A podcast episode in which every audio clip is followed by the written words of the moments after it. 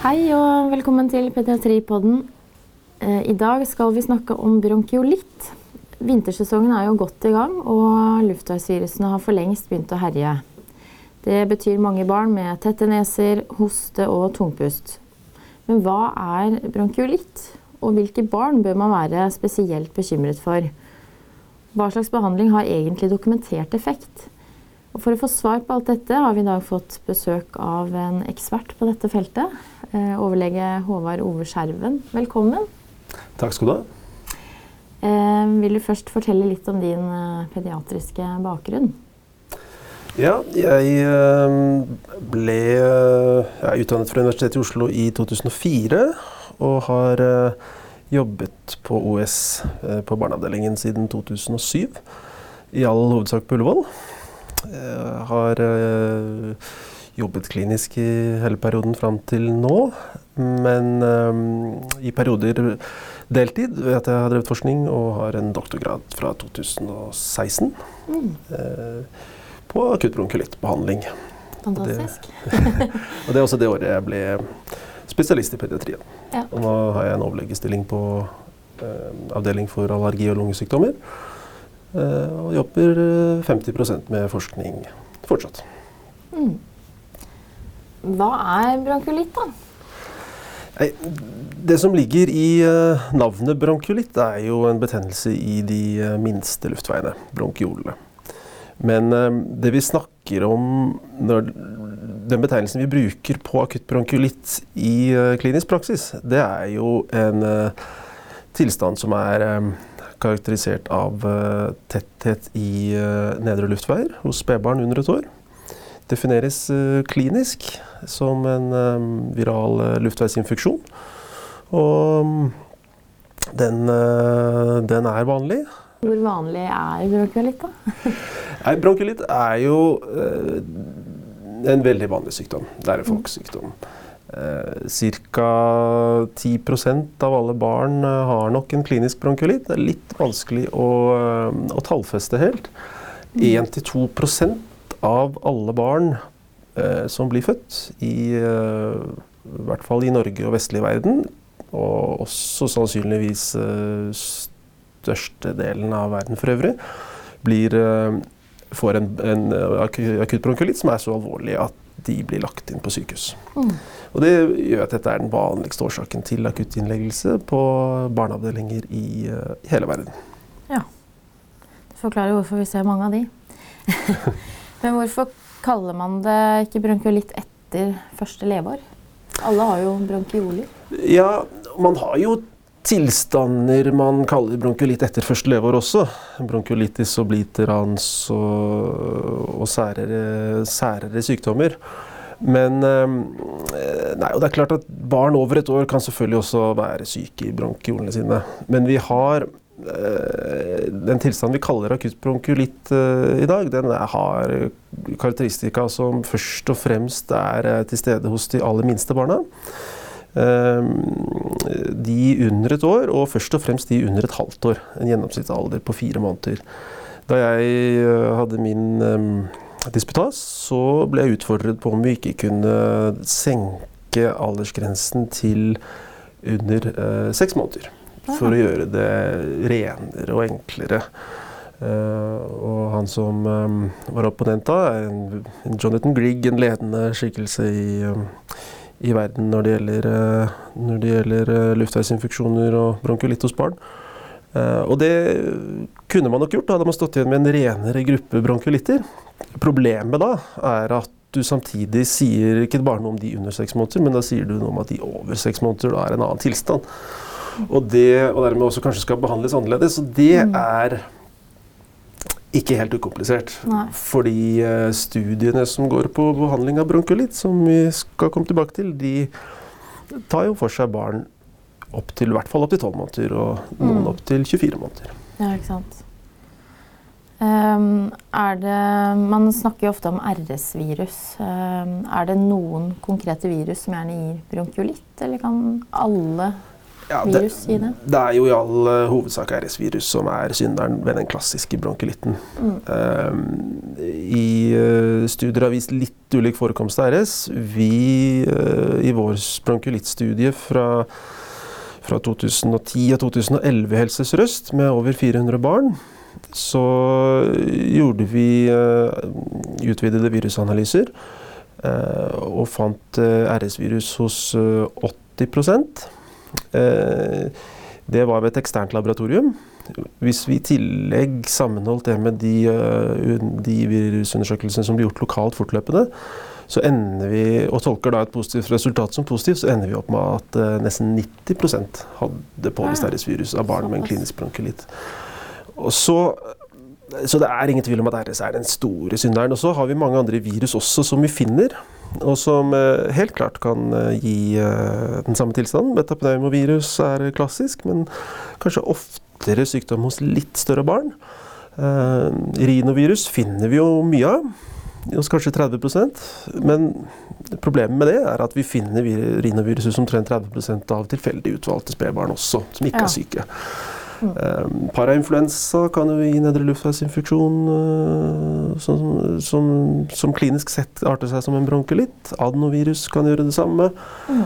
Og så har vi uh, koronavirus som er litt mer usikkert, eh, og influensavirus, selv om det kanskje sjelden gir den type symptomer hos eh, så små barn. Ja. Og av og til har de kanskje mer enn ett virus også?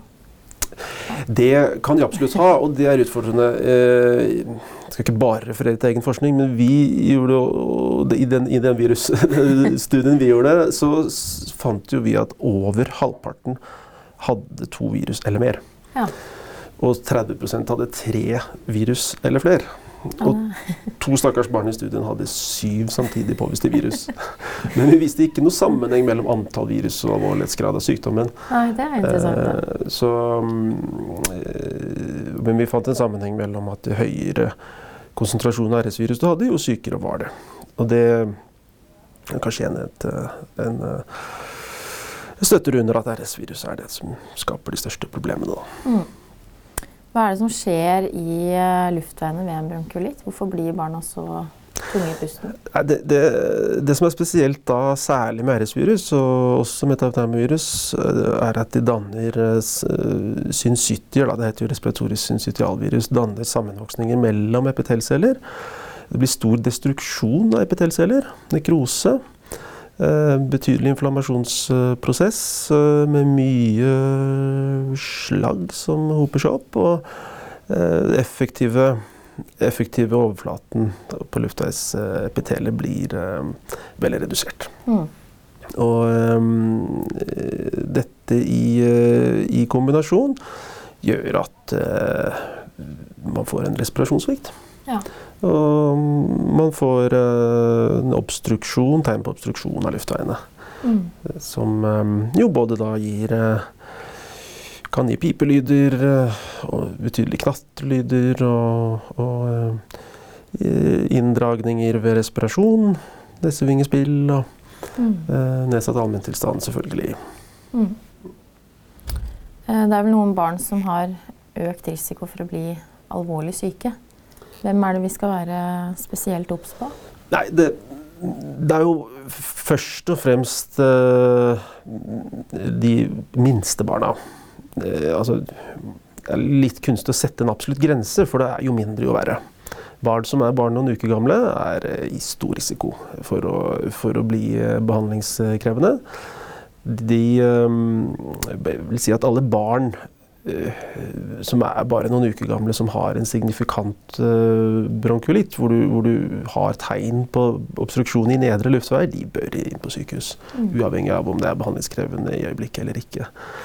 Um, og så er gradvis, uh, blir de gradvis mer robuste jo større de blir. da. Et barn på fem-seks ja. måneder uh, med signifikante, signifikante funn, men uten et betydelig besvær og behov for støttebehandling, kanskje ikke behov for sykehusbehandling.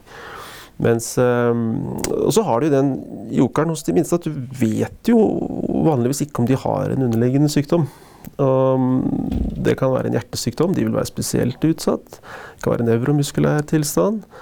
Ehm, det kan være en med luftveismalasi, med bløte luftveier. og barn med immunsvikt uh, f.eks. Så man må, må, være litt varsom. Mm. Og premature sikkert. Og så har du helt klart de premature, da, som, mm. uh, som vil være spesielt utsatt. ja. Kan man si noe om uh, et vanlig forløp ved en bronkiolitt? Vi møter jo mange som kanskje har vært altså en på seks uker da, som har vært tett i nesa i ett døgn, og så begynt å bli litt mer eh, hostete. ja, det klassiske er jo som du sier der, at det er et prodrom med en øvre luftveisinfeksjon mm. med snørring. Og, eh, og, eh, som da gjerne utvikler seg til en mer nedre uh, luftveisinfeksjon etter hvert. Med mm. hoste, og blir gjerne da skumming rundt munnen. Og deretter tilkommer økt respiratorisk besvær med inndragninger, som vi var inne på. Og eh, økt bruk av muskulatur. Man ser at det jobbes. At det jobbes eh, med, med, brystet. Og, at, og, man kan jo telle at man må puste fortere. Det er jo først og fremst kompensasjonsmekanismene til respirasjonssvikten mm. man ser. Um, og så er det lurt å ta med seg at de aller fleste har um, store søsken i barnehage mm. som har dratt med seg den smitten hjem. Det er jo sånn at RS-virus går jo sannsynligvis i epidemier i alle norske barnehager hver vinter. Ja. Det er jo nær 100% av alle barn som er smittet av RS-virus før de er to år gamle. Ja, Mens uh, de aller fleste bare blir forkjørt opp. Så er det noen da som er mer uheldige og får, får en akutt bronkulitt. Mm.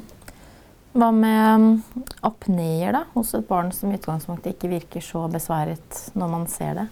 Ja, det er et klassisk tegn på at man uh, kan ha en, en, uh, en begynnende bronkulitt. det. først og fremst hos de aller minste barna, da. Gjerne de premature, som, som kan ha det. at de får pustepauser og kan bli blå. og så er det sånn jo mindre de er, jo vanskeligere kan det være å, å få fram de klassiske funnene mm. ved auskultasjon.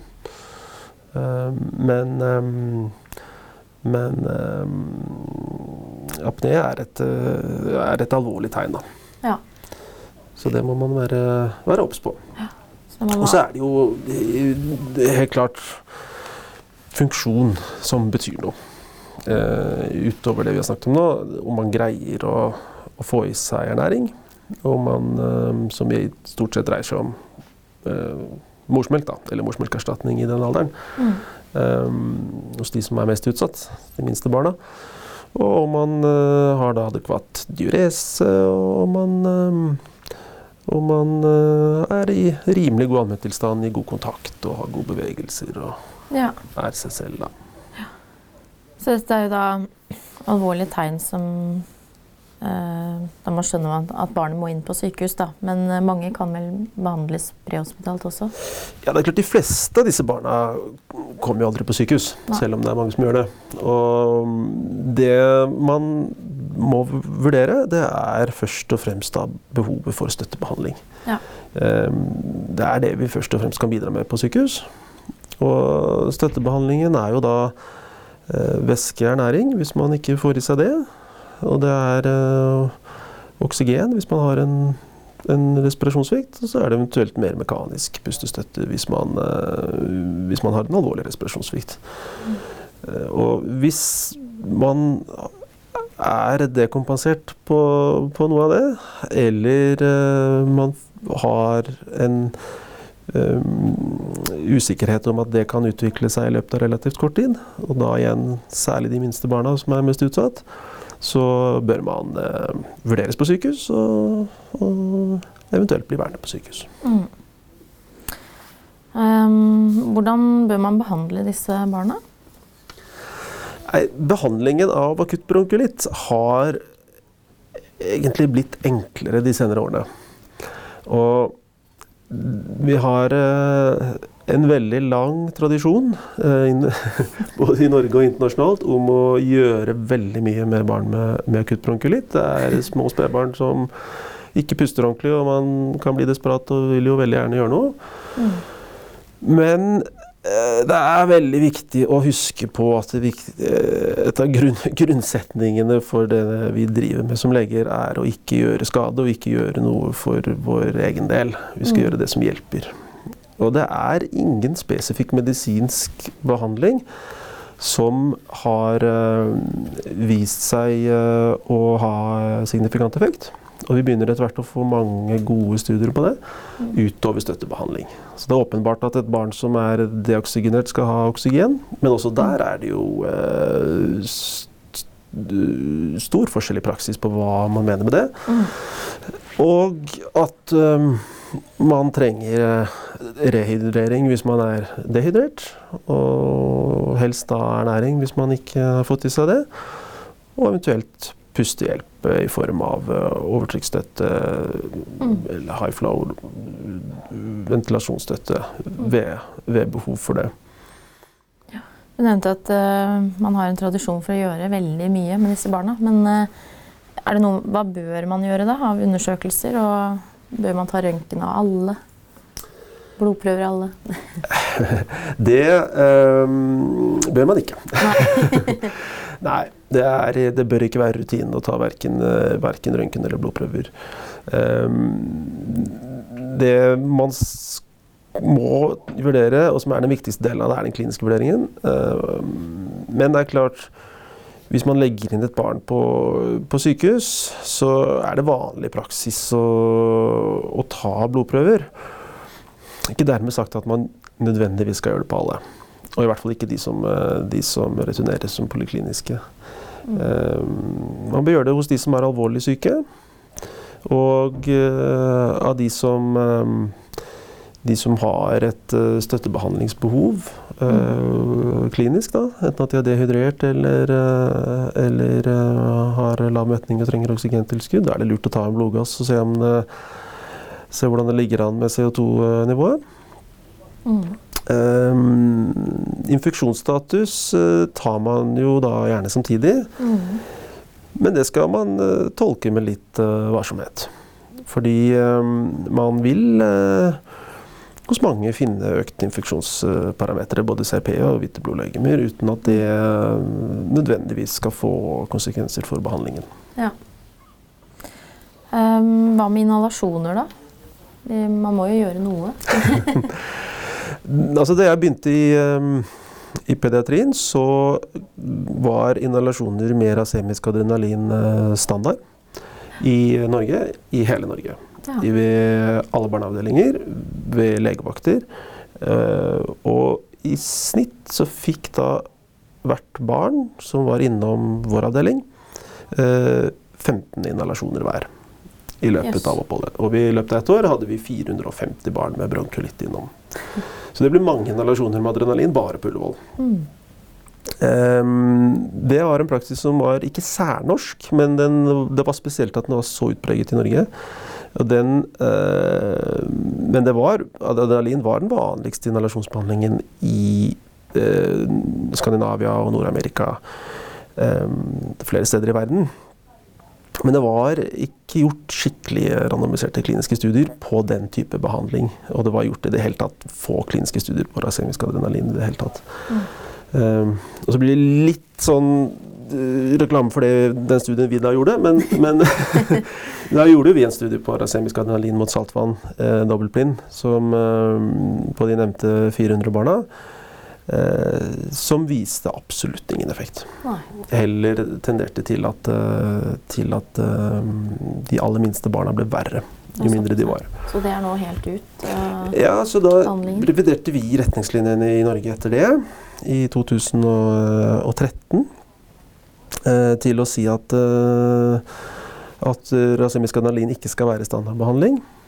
som det da hadde vært. I, i veilederen sto det da inntil hver time.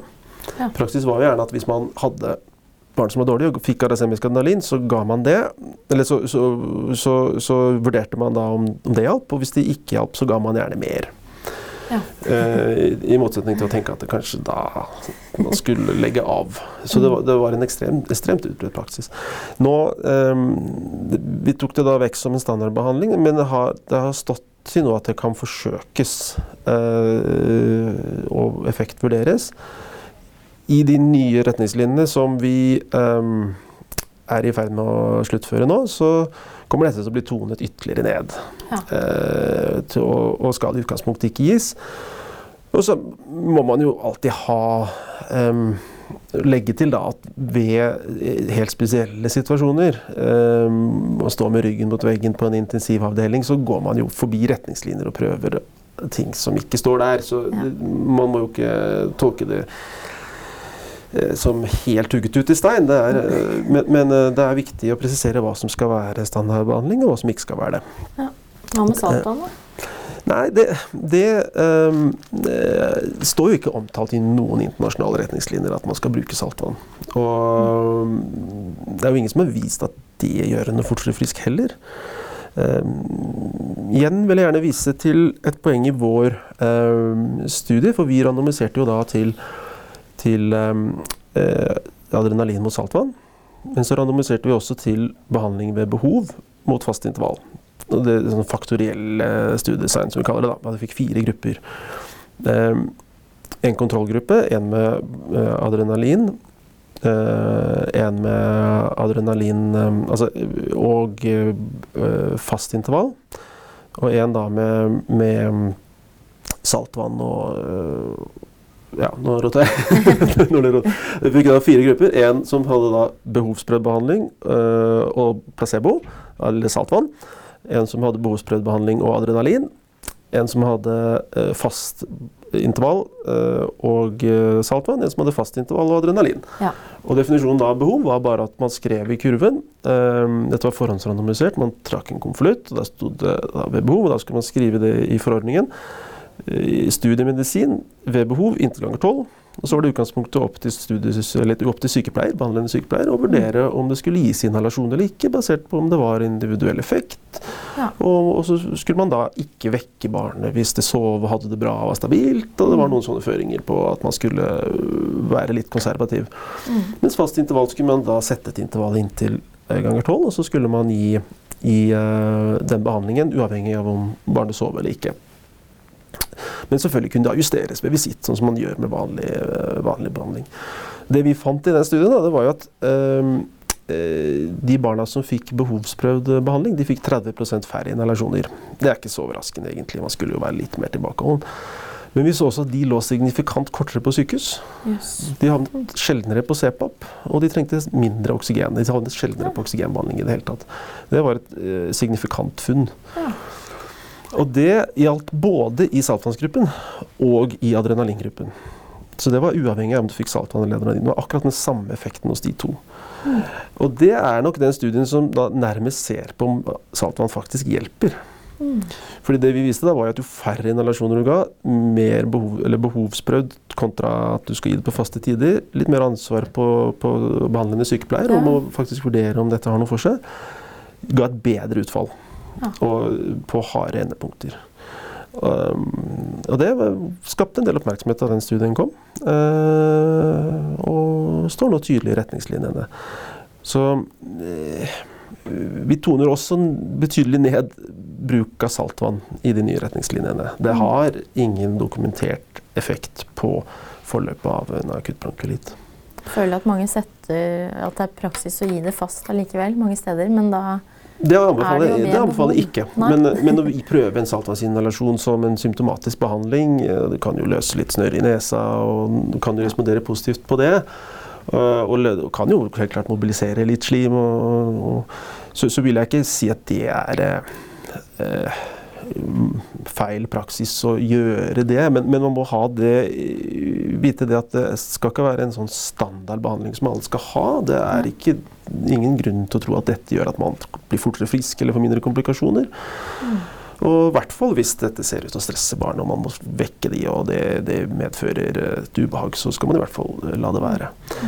Så har vi en rekke andre behandlinger også som man eh, inhalasjonsbehandlinger som man har brukt og bruker. Eh, Ventolin er jo lite brukt i Norge, men mye brukt an mange steder. Eh, stor variasjon, da, som gjelder all form for bronkelittbehandling. Det varierer stort innad i land og mellom sykehus, og gjerne mellom leger. Og, ja, Um, men Ventolin er jo enda dårligere dokumentert enn rasemisk adrenalin. Mm. Det, uh, det fins ingen studier som viser at barn med en klinisk bronkulitt under et år har effekt av Ventolin. Uh, hypertont saltvann Ja. kom som uh, et stjerneskudd for noen år siden.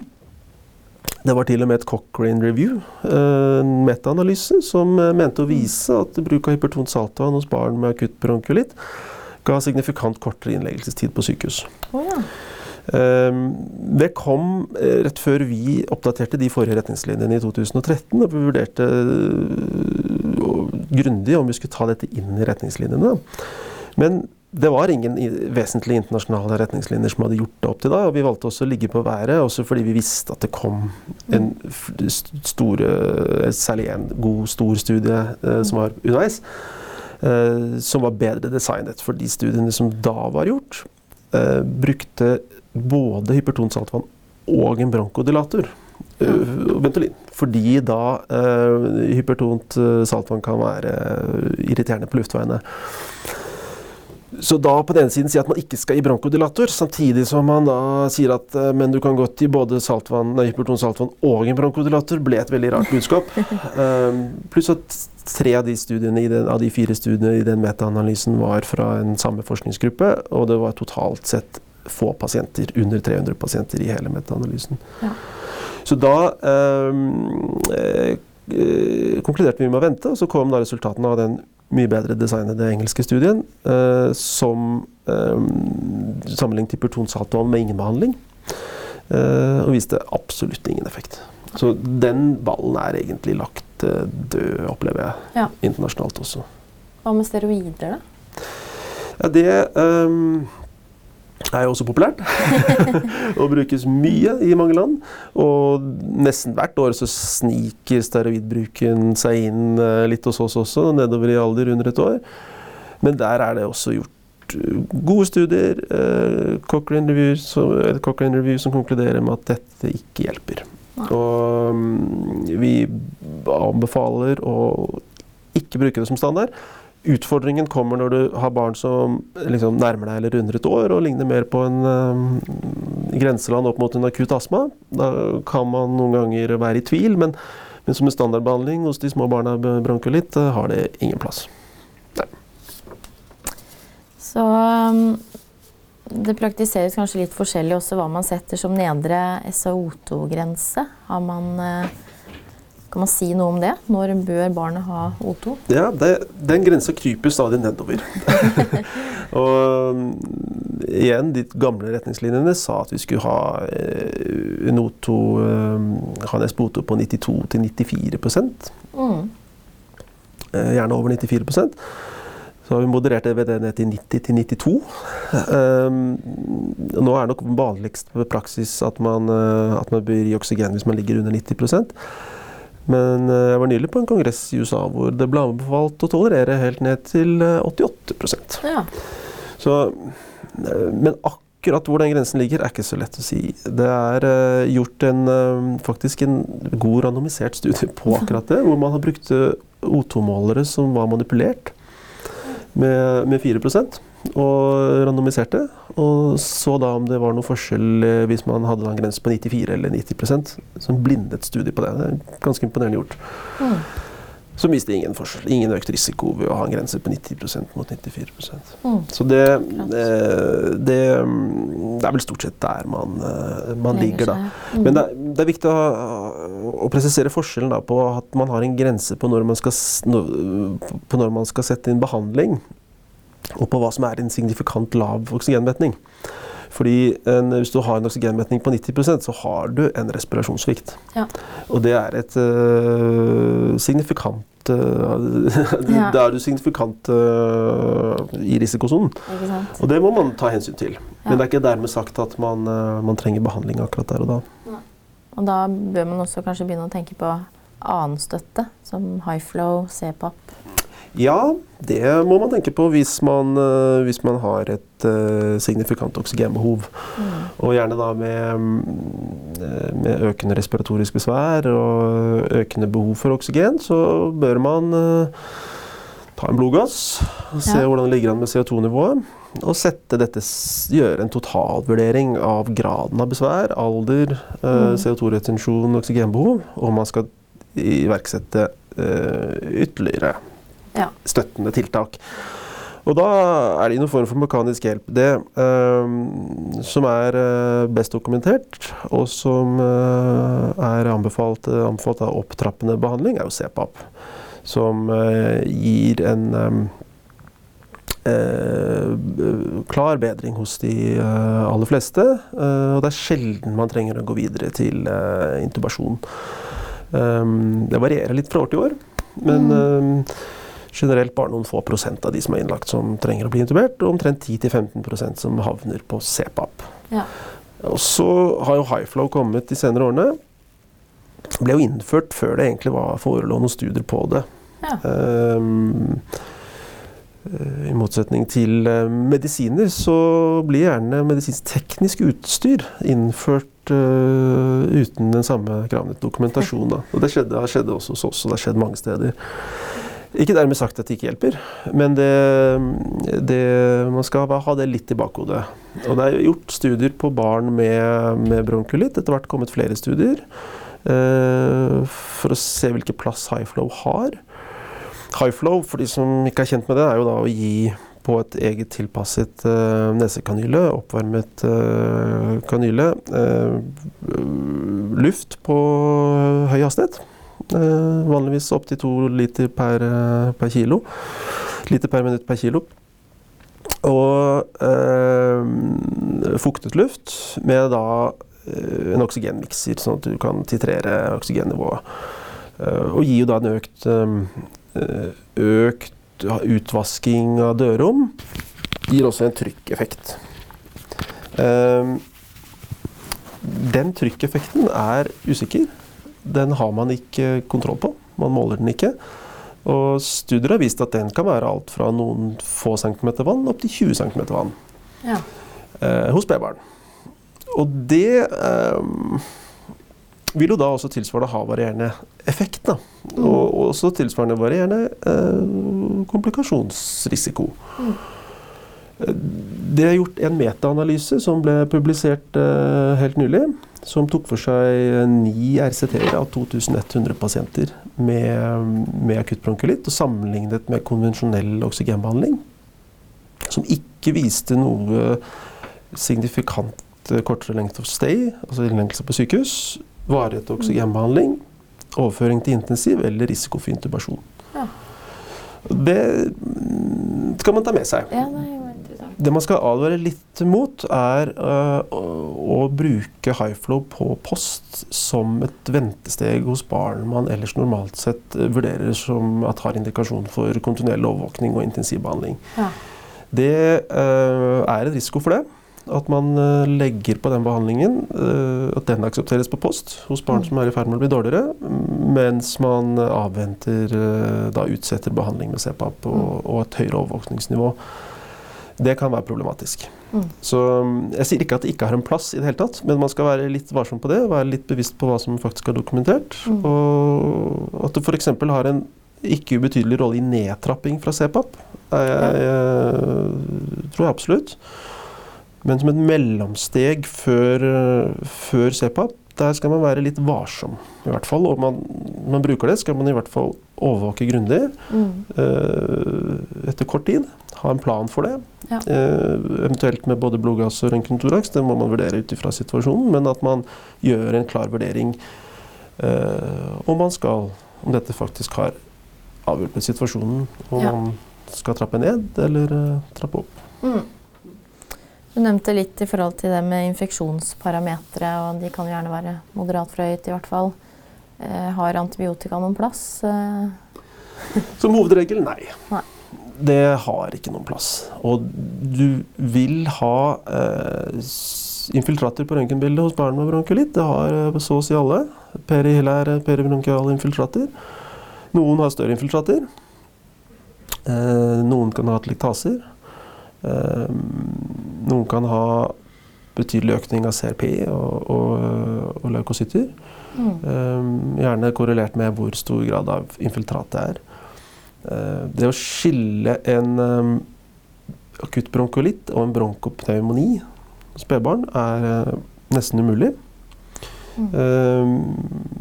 Så som hovedregel har ikke antibiotika noen plass. Dette er viral sykdom. Ja. Men så vil du selvfølgelig ha enkelte unntak fra det. Men uh, i Helse Sør-Øst, hvor vi gjorde vår studie, så brukte uh, sted mellom 5 og 7 fikk antibiotika på sykehus av barn innlagt med moderat til alvorlig bronkulitt. Det er et veldig lavt antall.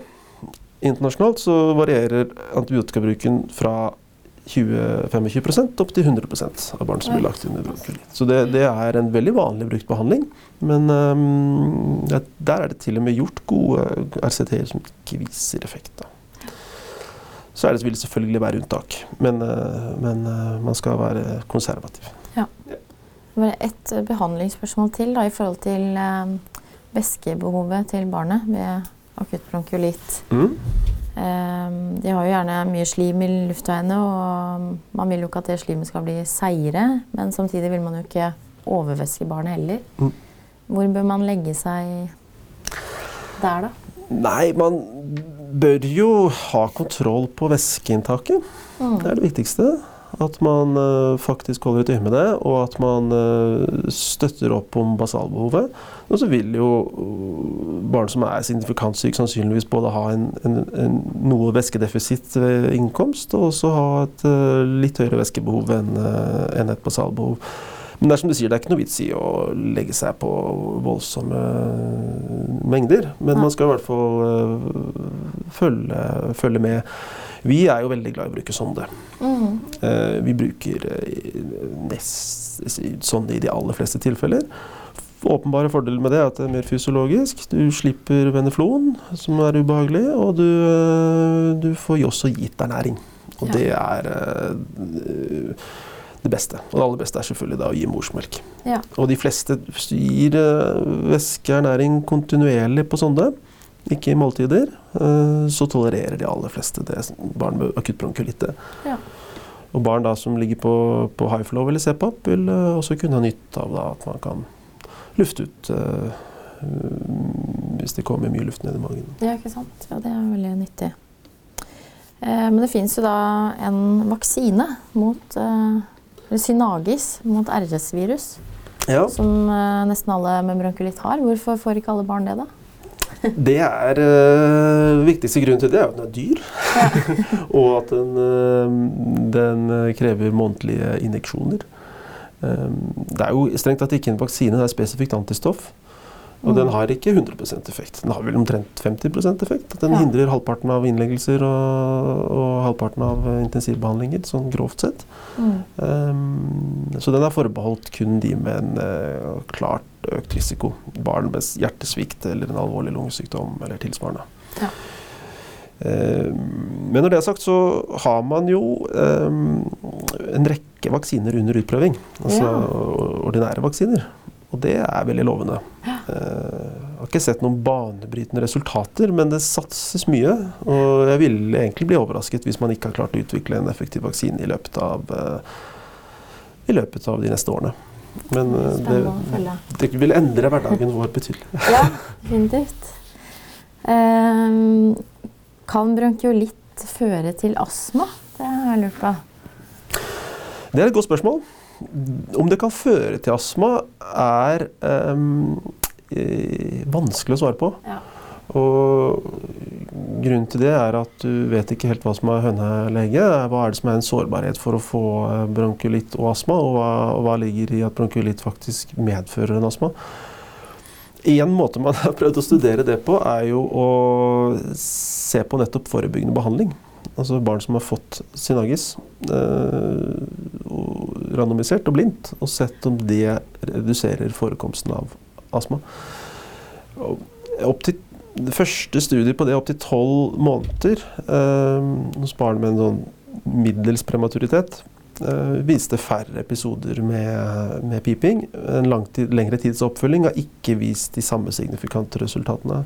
Mm. Så man er ikke helt sikre. Men at det er at barn med bronkulitt, som har vært innlagt med en bronkulitt, har en stor risiko for å bli tett i pusten senere. Ja. og få en småbarnsastmadiagnose, det er ikke tvil om. Eh, om- om mellom eh, 30 og 50% av barn med akutt bronkulitt eh, får tilbakevendende tetthet i pusten. Mm. Og astmabehandling skal vi snakke om senere. Men uh, dette var kjempeinteressant, eh, Håvard. Og jeg har ikke lært bare bronkiolitt, men bronkiomye. Eh, eh, kan vi lande på tre mm, viktige take home messages for eh, lytterne våre? Jeg vil si én vær mest eh, forsiktig med de minste barna. Jo mindre, jo verre. De kan være vanskeligere å tolke og kan ha eh, apneer. Og eh, man skal ha en lav terskel for å henvise de, særlig hvis man kan ha en mistanke om at det kan være en underliggende sykdom. To kriterier for innleggelse og videre behandling eh, må vurderes på grunnlag om behov for støttebehandling. Det er det vi kan tilby. Enten eh, skal man legge inn barn som trenger støttebehandling, altså væskeernæring eller, eh, eller pustestøtte, eller de som man ser for seg at kommer til å utvikle et støttebehandlingsbehov i løpet av kort tid. Eh, og tre, barn som blir lagt inn og skal observeres og behandles. Hold litt tilbake på hva man gjør. Ikke peis på med alt man har. Det er dokumentert at det å ha en minimal handling approach, eh, som er et begrep eh, brukt i nyfødtmedisin, med eh, behovsprøvd behandling, eh, minst mulig prøver og undersøkelser, sannsynligvis er det beste for disse barna. Ja, kjempebra. Tusen takk, Håvard Ove Skjerven, for at uh, vi nå kan møte bronkiolittsesongen med stålkontroll. Takk skal du ha. Jeg heter Veronica Martinsen, og vi høres igjen om eh, en uke. Og send gjerne spørsmål til eh, oss på Facebook eller på mail til pediatripodden at os-hf.no. Ha det bra!